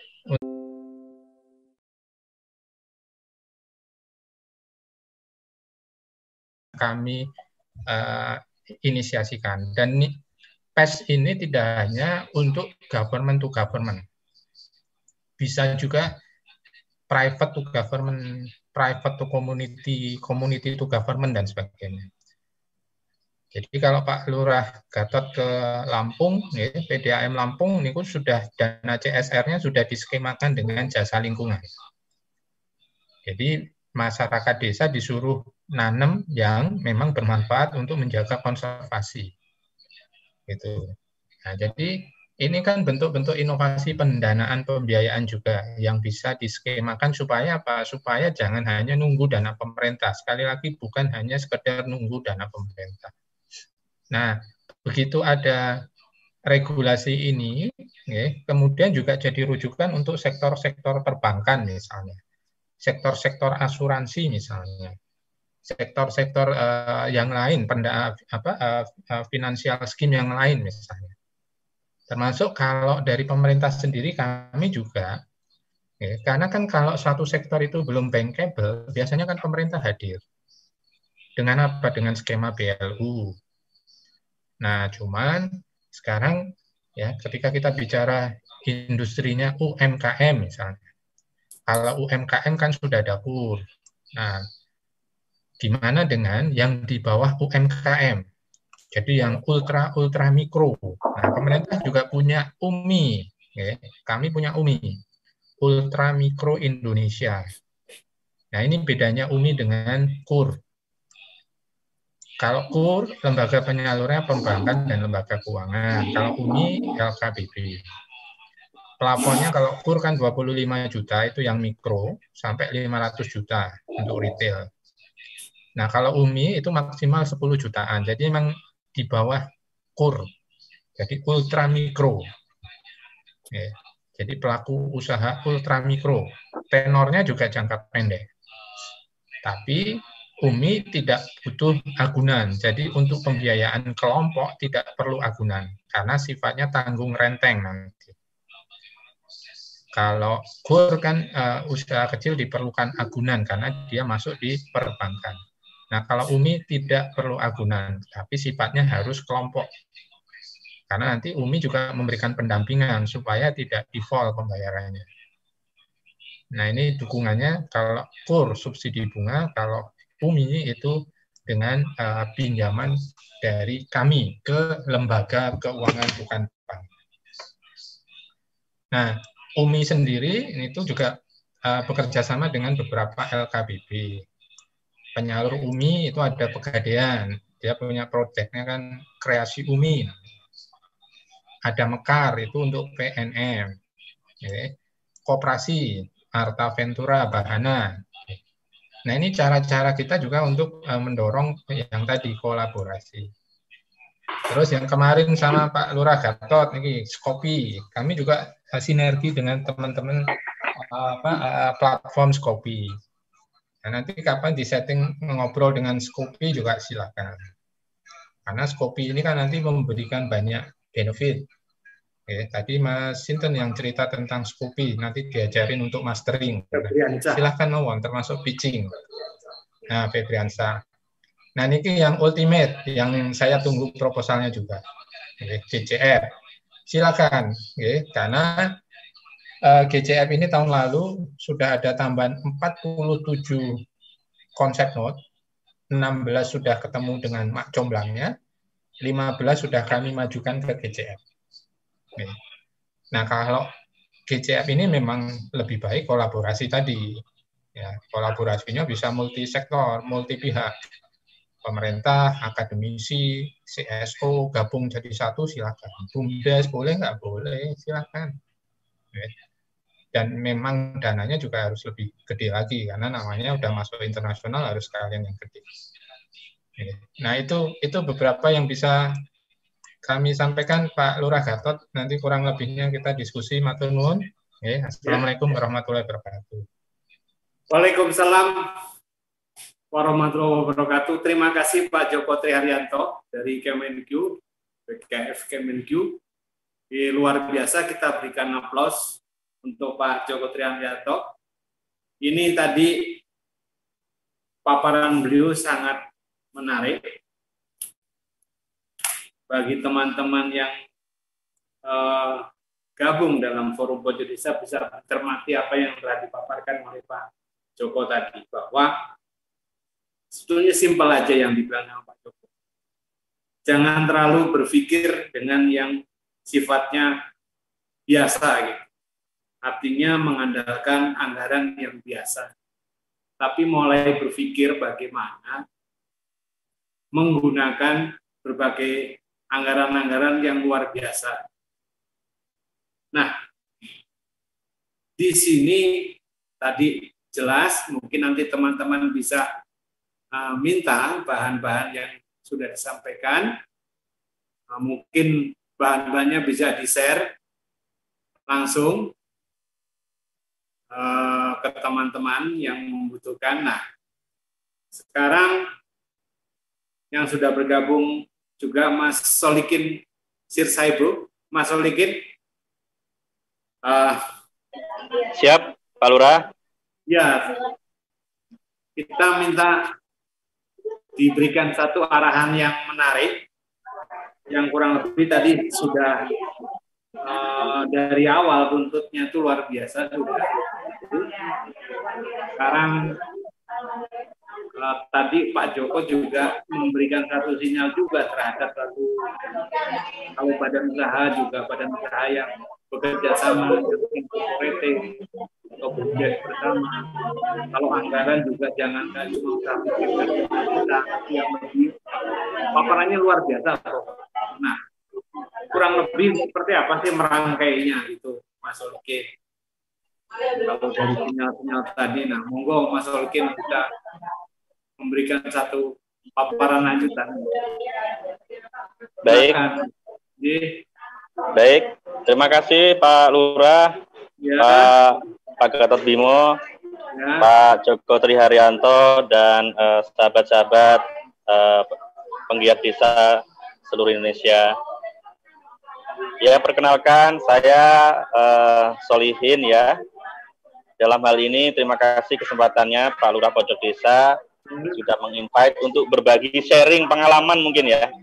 Berbagi ya, sharing betul. pengalaman mungkin dalam kesempatan ini mungkin saya bisa pada positioning praktisi ya.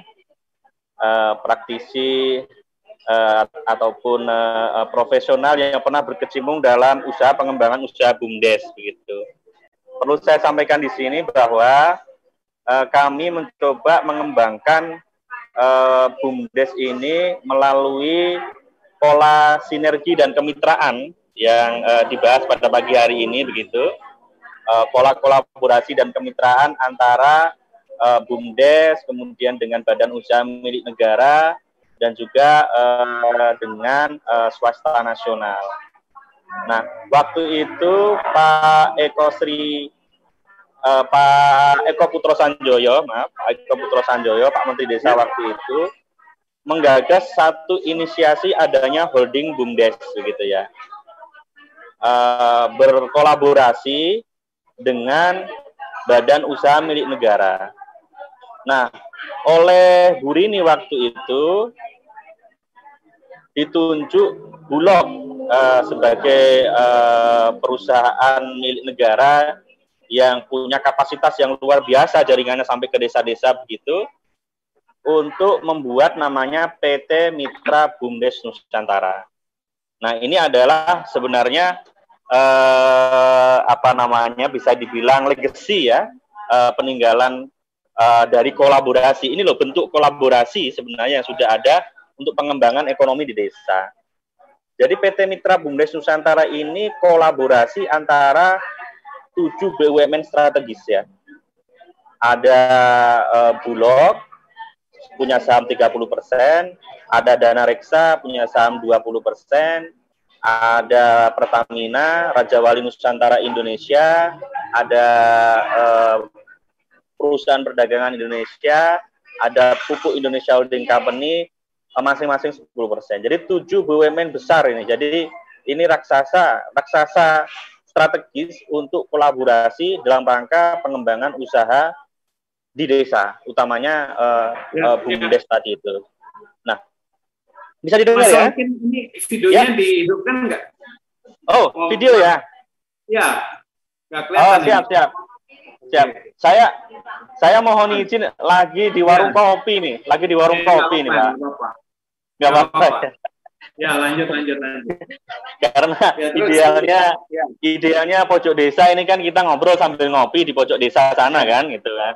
Jadi jadi saya sambil ngopi nih. Lanjut lanjut lanjut. Lanjut. Nah, jadi eh, itu tadi eh, kolaborasi eh, 7 BUMN strategis dengan BUMDes gitu ya. Ya. Hanya hanya kendalanya waktu itu dan mungkin sampai hari ini itu adalah pada status badan hukum BUMDes. Itu tidak bisa kita nafikan sampai hari ini. Sampai hari ini. Nah, lalu kemudian kemarin kita mendengar berita segar bahwa badan usaha milik desa sudah berbadan hukum. Artinya ini sebenarnya kendala sudah tidak ada mungkin. Artinya uh, clear, clear begitu ya. Karena Uh, waktu waktu itu misalnya uh, Dana Reksa Persero, Dana Reksa ini kan holdingnya Himbara ya. Ada ada BNI, Mandiri, BTN, BRI seperti itu. Itu mencoba mengucurkan dana untuk BUMDes juga uh, sekian triliun juga nggak bisa diakses sama sekali. Ya. Belum bisa waktu itu. Artinya kalau hari ini Badan Hukum BUMDes itu clear, artinya konsep kolaborasinya tadi saya kira bisa masuk bisa masuk seperti itu. Nah, yeah.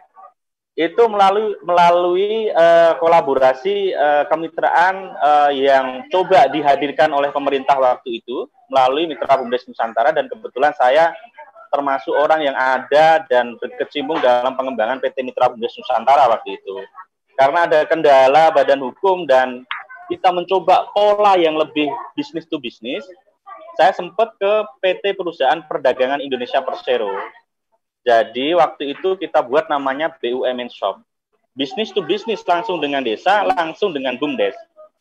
Nah, di samping kendala badan hukum, ternyata ya tadi itu kendala eh, uh, muncul beberapa kendala yang lain, di antaranya memang uh, kemampuan untuk operate, operate operasional misalnya uh, di level desa juga memang sumber daya belum belum memenuhi. Kemudian ketersediaan modal kerja memang uh, perlu ada kolaborasi dan dan sinergi visi misi antara ketua bumdes dengan kepala desa misalnya. Kemudian juga uh, apa namanya komitmen komitmen atau leader seperti yang tadi di Eco Parknya Aceh, nah seperti itu luar biasa. Ah, teman-teman uh, muda yang punya visi seperti itu, saya kira kalau bisa memegang bumdes, saya kira uh, kita punya harapan yang besar terhadap eh, sahabat-sahabat uh, muda seperti ini. Itu yang biasanya uh, akan maju bumdesnya seperti itu. Nah, ya. itu itu itu kendala-kendala itu tadi itu uh, yang kita temuin ketika mencoba bisnis langsung B2B dengan bumdes. Seperti itu. Artinya apa? Artinya bahwa memang dalam uh, proses kolaborasi dan sinergi tadi itu memang diperlukan uh, pertama adalah supervisi operasional dari siapa pun. Entah nanti pemerintah dengan BUMDes kolaborasinya tadi itu, entah BUMN dengan swasta melalui kolaborasi tadi itu, ataupun eh, BUMN dengan BUMDes ataupun pihak mana pun. Pastinya diperlukan yang namanya supervisi operasional tentang apa yang mau dikolaborasikan seperti itu. Kemudian juga eh, pastinya BUMDes ini perlu yang namanya jaminan. Artinya jaminan itu off taker seperti itu Pak, Pak, Pak Luraya. Tanpa tanpa adanya off taker, kalau kemudian tadi uh, sudah bagus ada produksi berbasis uh, uh, local wisdom seperti itu ya, itu bahkan ngapunten saya uh, di BUMN pun itu komitmen untuk off, sebagai off taker produk-produk unggulan desa itu pun uh, saya akui uh, uh, masih lemah ya. Karena memang ya juga produk unggulannya desa juga peran supervisinya juga belum belum ditekan gitu. Artinya uh, mungkin standar mutunya masih kurang bagus kemudian uh, sustainability-nya atau keberlanjutannya kurang uh, memenuhi pasar dan lain sebagainya ini yang kemudian membuat pebisnis baik BUMN maupun swasta nasional ini uh, uh, agak kurang kurang untuk bergeliat ketika mengoftek produk-produk unggulan yang, yang diproduksi oleh masyarakat desa. Nah, kuncinya apa? Kuncinya adalah di supervisi operasional tadi. Sehingga ketika off-taker dan supervisi operasional ini berjalan berdampingan, secara otomatis skala perdagangan di BUMDes ataupun di desa ini pasti akan naik. Nah, di sanalah kemudian nanti akan ada fungsi satu lagi yang namanya fungsi uh, agregator ya. Jadi memperluas skala bisnis atau skala perdagangan dari eh, teman-teman uh, uh, penggiat usaha di desa maupun di bumdes. Nah, kalau kolaborasi ini kemudian muncul, Pak, di desa ini kolaborasi usaha di desa ini muncul, ini sangat luar biasa. Dan yang bisa melakukan hal ini sekali lagi adalah uh, policy maker. Dalam hal ini Kementerian Desa selaku uh, leading sektor dalam uh, pembangunan dan pemberdayaan masyarakat di pedesaan dan juga Kementerian Dalam Negeri dalam leading sektor uh, terhadap uh, kepala desanya. Karena memang uh, diakui atau tidak peran kepala desa ya uh, uh, dalam tanda petik raja kecil di desa begitu Pak Lurah ya. Beliau yang punya policy maker terhadap uh, pengembangan dan uh, ke mana arah desa mau dibawa seperti itu. Saya kira uh, itu mungkin yang sementara yang bisa uh, saya bagi pengalaman. Ya. Uh, hal-hal lain mungkin kita bisa uh, berdiskusi nah. dan berbagi pengalaman. Nah, satu lagi yang mau saya sampaikan Pak Gatot. Satu ya. lagi adalah bahwa saya mencoba memunculkan namanya Inovesa. Inovesa ini adalah inovasi Indonesia. Nah, inovasi Indonesia nanti seperti apa? Ini masih uh, uh, uh, belum di launching. Mohon doa mudah-mudahan segera di launching dan ya. uh, Pak Lurah Pojok Desa bisa uh, bisa ikut uh, serta dan mensupport syukur-syukur nanti uh, bersama Pak Menteri Desa. Jadi jadi hanya info intro dulu nih Pak Pak Lurah seperti itu. Terima kasih Pak ya, Lurah dan teman-teman semuanya. lagi yang saya tanyakan. oh ya siap. Ya. Nah, BUMDes Nusantara kan dulu dengan status bahwa di undang-undang kan masih gantung. Nah, ya. seandainya sekarang undang-undangnya udah jelas pasca undang-undang CK status badan hukum BUMDes sudah jelas. Ya. Itu gimana kira-kira ya? Kira saya ki saya kira eh, analisa saya kelihatnya harusnya lebih cepat ya. Tapi ya. memang uh, itu uh, status badan hukum itu memang perlu dipertajam dengan peraturan pemerintah atau mungkin uh, peratur atau permen desa seperti itu ya sehingga arah dan kebijakannya ini ini clear and clean seperti itu. Karena okay. uh, permasalahannya ini misalnya uh, eh, XPNPM Mandiri Perdesaan itu nilainya hampir 14, sekian triliun. Itu sampai hari ini menggantung itu di kecamatan, ada di desa, ada di kabupaten dan lain-lain. Belum yang ya. lain-lain, belum yang lain-lain. Nah, ini ini problemnya adalah di badan hukum. Nah, saya kira forum-forum seperti pojok desa yang digawangi oleh Pak Lurah pojok desa seperti ini, ini yang harus di upscale setiap saat, setiap saat, setiap saat seluruh Indonesia sehingga hal ini membuat uh, kita sadar bahwa ini adalah gerakan kebangsaan, ini adalah gerakan kerakyatan, ini adalah gerakan kebersamaan untuk kemandirian bangsa ini seperti itu. Itu okay. mungkin Pak Lurah. Ya. Ya, Mas Solikin Sirsai terima, terima kasih. banyak. Ya. Terima kasih. Selamat ya. juga untuk inovasinya. Mudah-mudahan cepat di launching. Amin, amin. Mohon doanya. Kita sama-sama uh, bertemu di sektor-sektor perdesaan ataupun apa gitu. Nah, tadi siap, menarik siap. sekali dari Pak Tolikin tadi bahwa memang uh, kolaborasi itu sangat dibutuhkan sekali gitu. Apalagi kemudian kolaborasinya itu juga termasuk sebagai apa ya tangan dari pemerintah itu juga terlibat penuh gitu Nah, saya pikir tadi sudah kita sudah bicara berbagai kolaborasi, termasuk kemudian juga uh, berbagai hal yang menyangkut juga uh, inovasi di bidang pendanaan, inovasi di sisi kerjasama segala macam tadi disebutkan juga pentingnya off taker juga yang bekerja sama dengan uh, kemitraan maksudnya dengan desa-desa. Nah, saya mau nanya ke terakhir ke Mas Yosi Suparyo nih.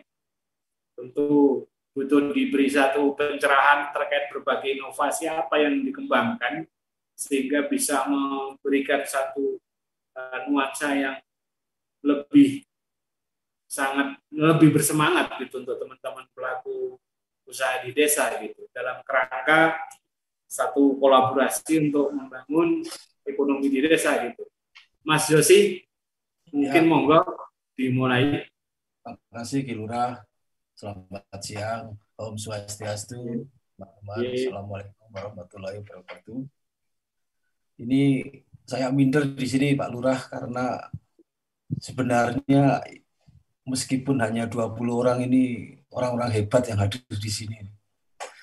Sayang itu Pak Prama itu kades luar biasa itu dari uh, kaki Gunung Slamet.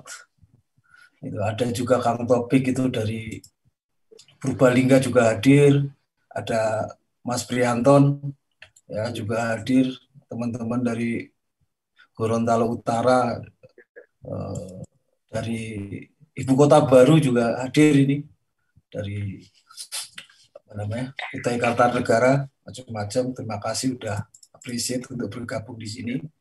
Saya nggak akan bicara lama, gitu ya, karena ini menarik, tapi karena terlalu banyak uh, orang yang memberi gagasan, ya gitu. Kadang bagi saya yang uh, otaknya nggak gitu banyak, nggak mumet, Pak Lurah. Jadi saya sedikit aja dan saya mohon nanti teman-teman kepala desa bisa berbagi pengalamannya sehingga kemudian melengkapi obrolan siang hari ini. Satu Pak Lurah dan teman-teman sekalian, gitu ya. Saya hanya menekankan bahwa acap kali kita kalau ngomongin tentang ekonomi itu terjebak pada keinginan dan hasrat untuk mencari keuntungan. Padahal belum untung, udah cerai duluan kita. Jadi terlalu agresif untuk bicara keuntungan, bicara tentang berapa uh, pendapatan asli desa yang bisa kita dapatkan, berapa macam-macam, akhirnya buntung yang didapat. Ya. ya banyak yang sukses, tapi menurutku banyak yang ambruk, Lurah. Ya. Jadi menurut saya kalau teman-teman di gerakan desa membangun lebih banyak menekankan pada aktivitas untuk mengurangi beban secara kolektif Banjara kolektif itu katakanlah misalnya yang dilakukan beberapa bum desa misalnya ngurusin tentang air bersih. Untungnya nggak banyak tapi bikin senang banyak orang dan banyak orang. Bayangin kalau itu diselesaikan sendiri-sendiri oleh warga. Jadi beban mengurangi beban secara kolektif itu juga bagian dari cara untuk meningkatkan kualitas. Nggak untung sih, tapi resep lah kalau orang Sunda bilang gitu ya.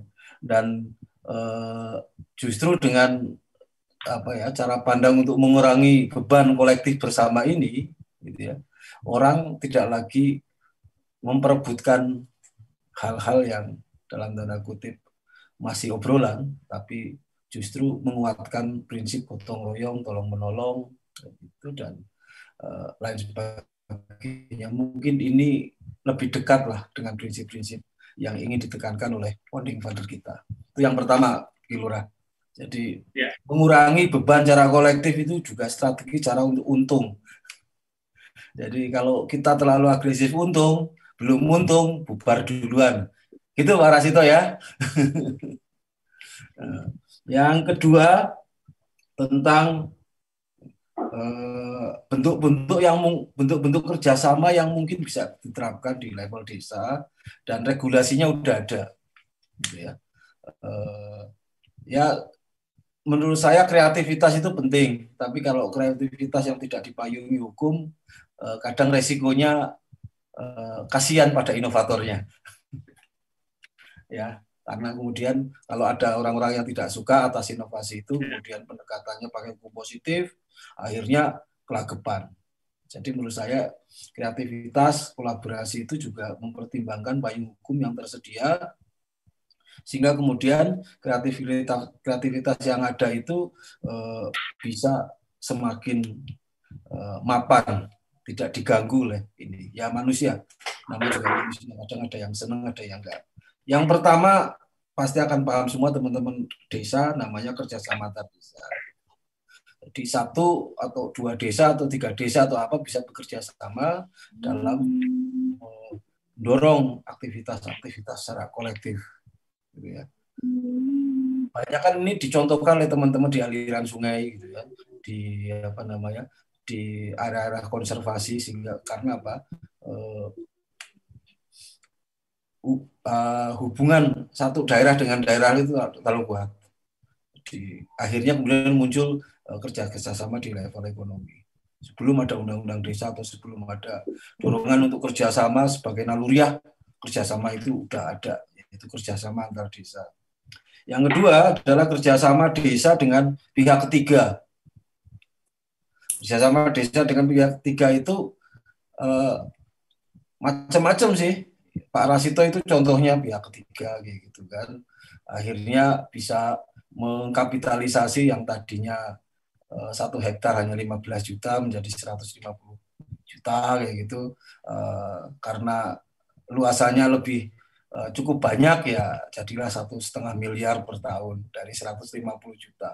Dengan memegang uang 100 apa uh, 1,5 m gitu ya. Uh, banyak hal mimpi yang terbangun dan lain sebagainya ya. ini pihak dengan ketiga uh, desa punya keuntungan karena punya resource tapi desa juga butuh dukungan lain yang tidak dimiliki oleh desa dan yang terakhir adalah kerjasama antar desa dengan pihak tiga. Jadi desa di eh, desa-desa yang sudah membangun kerjasama, gitu ya, gitu, bisa juga bekerja sama secara kolektif dengan pihak ketiga untuk katakanlah memperluas eh, skala ekonomi, gitu ya, memperluas eh, apa namanya luasan eh, luasan produksi yang tersedia. Ini katakanlah misalnya teman-teman di mana Buana Jaya katakanlah misalnya eh, mereka mau menggarap industri tambang skala desa. Daripada tambang di apa namanya digali oleh perusahaan luar gitu. Toh desa dapatnya sampah sampahnya. Ya cuman sampahnya kenapa enggak digarap oleh desa? Desa mendirikan perusahaan tambang skala desa. Kolaborasi macam-macam termasuk saya mengumpulkan eh, relawan-relawan uh, geologis gitu kan, relawan-relawan engineering untuk bantu ini. Kolaborasinya terjadi. Dan syukur uh, untuk urusan desa ini sebenarnya enak kalau orang dipanggil desa itu rata-rata uh, siap. ya, kalau nggak siap itu terkutuk lah gitu. Itu Pak Gatot. Ya. Dan mungkin yang terakhir, gitu ya, yang terakhir eh, tiga bisnis yang mungkin bisa menjadi pilihan kita di desa. Dan ini bisnis ini punya nilai untung yang eh, besar, ya, ya bagus, gitu. termasuk nilai kebangkrutan yang rendah. Ini pengalaman saya mengolah data teman-teman di desa. Yang pertama adalah bisnis di sektor kesehatan. Ya. Jadi kalau pisang dijual pisang goreng pertambahannya cuma 500. Ya. Pisang dibikin uh, roti tambahannya cuma 1000. Tapi kalau pisang dibikin jadi vitamin, dibikin jadi uh, yang terkait dengan kesehatan nilainya jadi 15.000. Ini pengalaman desa kami di Gentasari kayak gitu. Jadi kelipatannya itu lebih ini. Dan urusan kesehatan orang nggak tawar menawar. Ya, jadi Pak Wondo, Mbak Nuning ya, olah itu eh, pisang, temulawak dan lain sebagainya jadi bisnis pengobatan. Ya, nanti Pak Gatot urusannya untuk apa, membawa ke laboratorium baik LIPI atau apa itu. Kita aniaya aja Pak Gatot. Suruh. Jadi kalau yang minta desa itu Pak Gatot biasanya nggak menolak. Kalau menolak kebangetan. Yang kedua adalah bisnis yang urusannya dengan lidah atau rasa. Jadi ciptakanlah produk-produk yang membuat orang gitu ya lidahnya itu tergantung ya saya ngerasain eh, apa namanya produk olahan ikannya itu dari Gorontalo Utara enak banget gitu ya jadi kalau saya ke sana itu teringat betul uh, gimana apa namanya sambal roa gitu ya. Ini Mas Anton itu bikin bebek ya, bebek ungkep gitu ya. Bebek ungkep ya. rasanya dahsyat gitu ya ini. Di urusan rasa ini orang nggak tawar menawar. Gitu ya. Asalkan lidahnya cocok maka uh, jalan Dan terakhir adalah bisnis yang urusannya dengan kenyamanan. Tadi teman-teman dari Sumatera Barat itu kan, ya, bikin wisata, bikin ini ya itu urusan gimana orang bisa mengembalikan kenyamanan hidupnya. Ya, kalau dia bisa happy gitu ya, pulang seger lagi ya jadi ini. Yang lainnya, waduh, yang lainnya sektor lainnya biasanya saingannya banyak. Bukan nggak ada, tapi saingannya banyak. Ya, jadi untuk latihan susah. Mungkin hal itu Pak Gatot, semoga teman-teman ya. bisa diberi kesempatan untuk berbagi sehingga kita makin lengkap untuk mendorong perubahan di level desa. Ya. Terima kasih Om Swastiastu. Selamat. Ya. Mas, Mas Josi, supaya terima kasih banyak ya. Mas Josi luar biasa ini. Sedikit, tipis tapi mendalam. Nah ini, ya biasanya ada yang tebal-tebal mendalam, ini tipis saja mendalam. Gitu. Paling tidak satu hal yang bisa kita catat bahwa apa pun itu yang dibilang kolaborasi itu ya pastilah keinginan hasrat cari untung ada tapi gimana caranya juga supaya uh, kreativitas itu penting diciptakan gitu terus kerjasama dengan pihak ketiga penting juga kerjasama antar desa dengan pihak ketiga juga penting termasuk berbagai pilihan atau inovasi di bidang bisnis gitu itu satu uh, gambaran. Tapi yang paling tidak bahwa kolaborasi itu sebetulnya satu hal yang ilmiah karena itu sifatnya memang muncul dari kebutuhan, keinginan, saling berhubungan juga karena memang berpikir untuk meningkatkan keuntungan pendapatan dan yang lain-lain ya, termasuk juga kolaborasi secara sistematis mungkin kurang lebih menarik banyak pihak lah, multi pihak. Nah, kita nih punya waktu masih 13 menit lagi. Buat teman-teman yang mau bertanya, atau saya tertarik sekali dengan Pak Prama tadi. Kalau bisa sedikit menambahkan tentang satu proses cerita di desanya, tentang BUMDesnya gitu, tentang terkait dengan kolaborasi juga, kalau masih bergabung Pak Prama, saya mau minta tiga menit, boleh? Wah, sayang Pak Prama tidak nggak bergabung lagi ya. Pak Kades, padahal saya pengen sekali pengen dengar eh, seperti apa sih tentang BUMDes yang ada di pintu masuk Batu Raden itu. Gitu. Nah, Mungkin Mas Prianton mau cerita sedikit tentang inovasi dan juga uh, seperti apa yang dilakukan di solusi sana. Unmutnya mungkin Mas.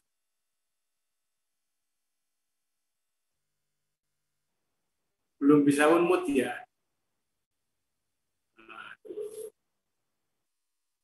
saya bingung nih caranya.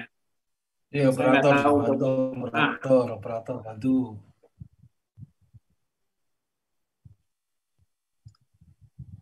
Nggak bisa dipencet di sana ya?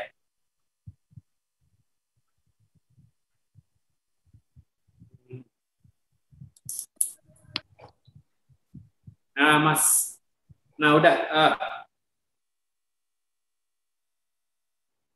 Oh, iya, iya, iya. Oke. Jadi mungkin sebenarnya kita nunggu nanti uh, unmutnya dibetulkan. Jadi uh, ini menarik tadi yang yang sudah diindikan sama Mas Santo ya. Satu proses inovasi mungkin Mas Yosi bisa bantu gitu yang dilakukan sama Mas Anton itu apa saja terkait inovasi yang ada di desa? Oke, halo, udah masuk suaranya ah, ya? Iya. Gimana? Tiga menit aku minta ya. Oh, iya, oke. Eh, ya. Gimana ceritanya? Ya, Pak okay. kenal saya Pri Anton Subardio dari Purbalingga. Saya jadi apa direktur di Bumdes Mutiara Soka untuk saat ini. Oke, untuk BUMDes itu apa uh, kita baru ada di bulan Maret tahun 2020 ini di awal Maret kita apa baru dipertemukan sama Pak Kades dan beberapa perangkat sama beberapa membernya. Itu tadinya kita mau bikin wisata sebenarnya Pak Lurah. Terus ya. begitu ternyata tanggal 16 Maret ya pemerintah pengumuman tentang Covid apa gambar rencana dan lain-lain kita apa kita tutup lah istilahnya. Oh, kayaknya nggak bisa ini untuk bikin apa namanya uh, sektor wisata. Terus dari situ akhirnya kita karena membernya itu kebanyakan ibu-ibu dari anggota-anggota bumdesnya dan kebetulan saya sering apa kayak bikin acara di tiap hari minggu itu jadi pasar dadakan di jalan utama di desa Sokawera. Itu ternyata masakan ibu-ibu enak Terus dari situ aja terinspirasi, wah kayaknya seru juga nih kalau kita bikin makanan, tapi yang apa namanya aman dari COVID. Karena kan karena sekarang COVID gimana ya supaya aman. Jadinya kita bikin semua olahannya itu serba diungkep. Jadi maksudnya ya ini udah siap dimasak. Jadi ketika amit-amitnya ada ada COVID di situ, ketika digoreng ya virusnya mati. Walaupun ya. ini belum penelitian yang apa yang benar-benar diteliti. Tapi apa uh, setidaknya uh, yang bikin apa seru dan saya seneng itu uh, kita ini dapurnya banyak. Jadi di rumah-rumah warga itu kita pasang ada banner itu ada dapur satu, dapur dua, dapur tiga itu. Jadi kokinya itu kita beneran dari warga. Jadi kalau ada yang pesen ya siapa nih yang apa ready untuk masak dapur satu, dapur dua, dapur tiga seperti itu. Terus apa karena memang kita ini olahan ungkep ya kita mencoba apa uh, menggunakan medianya itu full internet sih. Dari website kita ada websitenya itu di mutiarasoka.id itu uh, kegiatan apa aja yang ada di Bumdes Mutiara Soka jualannya itu kita ceritakan di website itu. Dan kita juga ada apa sosial media ya di Instagram, Twitter sama Facebook. Nah kemarin pada saat Lebaran itu ya kita apa uh, untung banyak banget itu bertonton kita ngirim beras sama ungkep karena pas hmm. lebaran ya, weh ternyata Wah. banyak perusahaan tuh pengen ngasih apa namanya uh, eh, THR nih. Nah ternyata banyak orang itu ketika kita tanya, lo tahu dari mana Bumdes Mutiara Soka? Ya saya searching aja mas di Instagram, ternyata ada yang beras, nama brandnya kita beras Soka.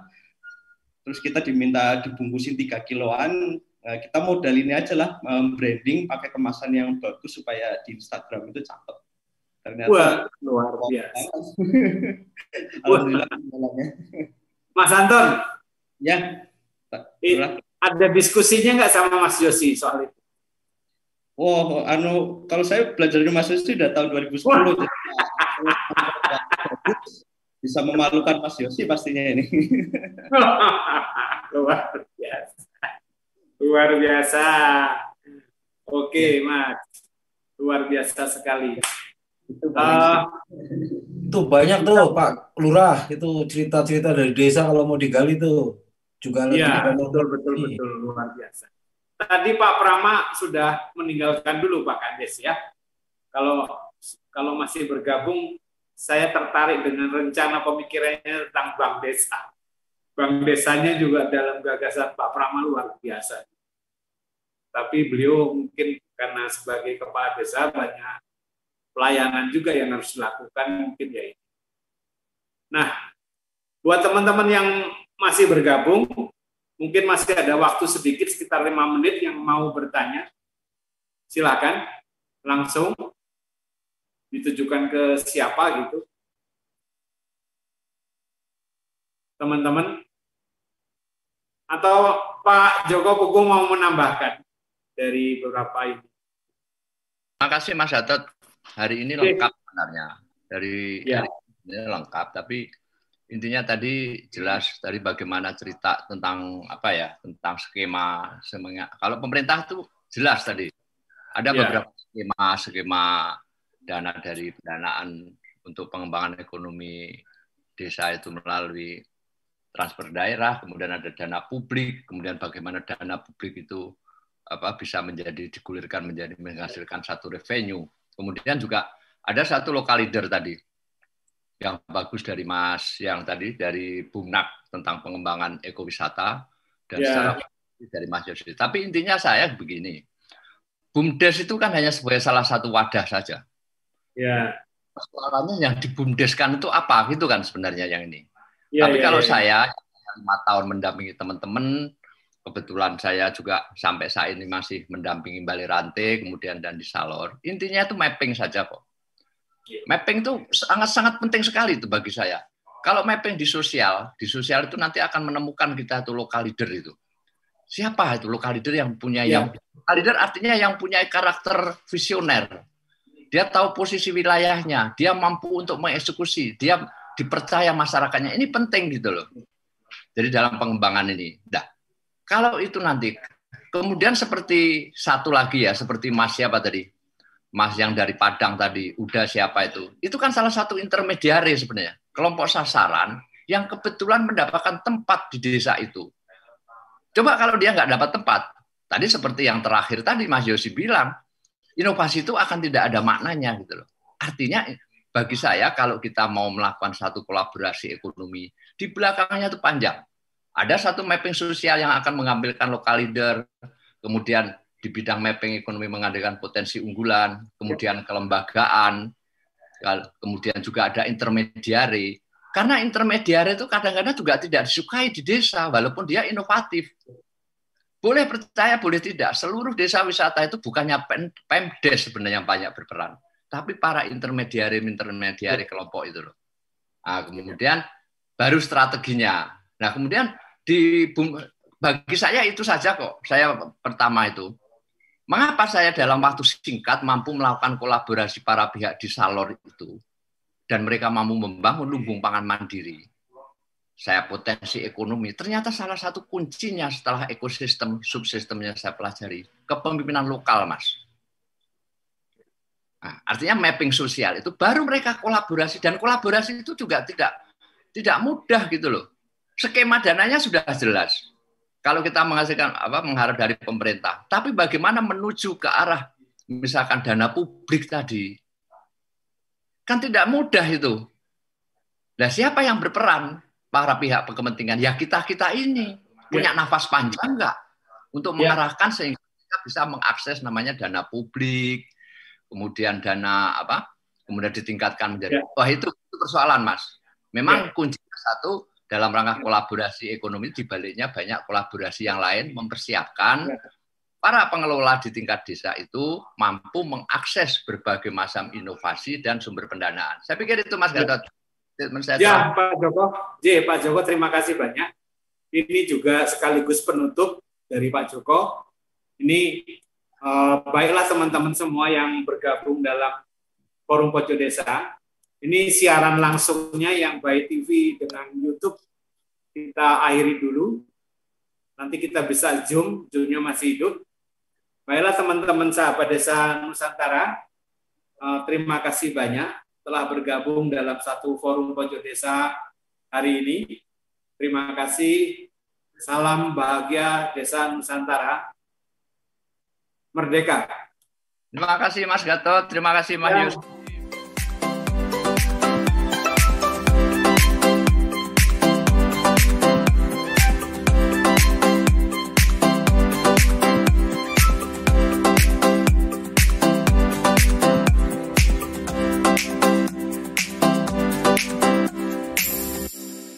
Acara ini didukung oleh Desa WiFi Tol Langit Desa Indonesia.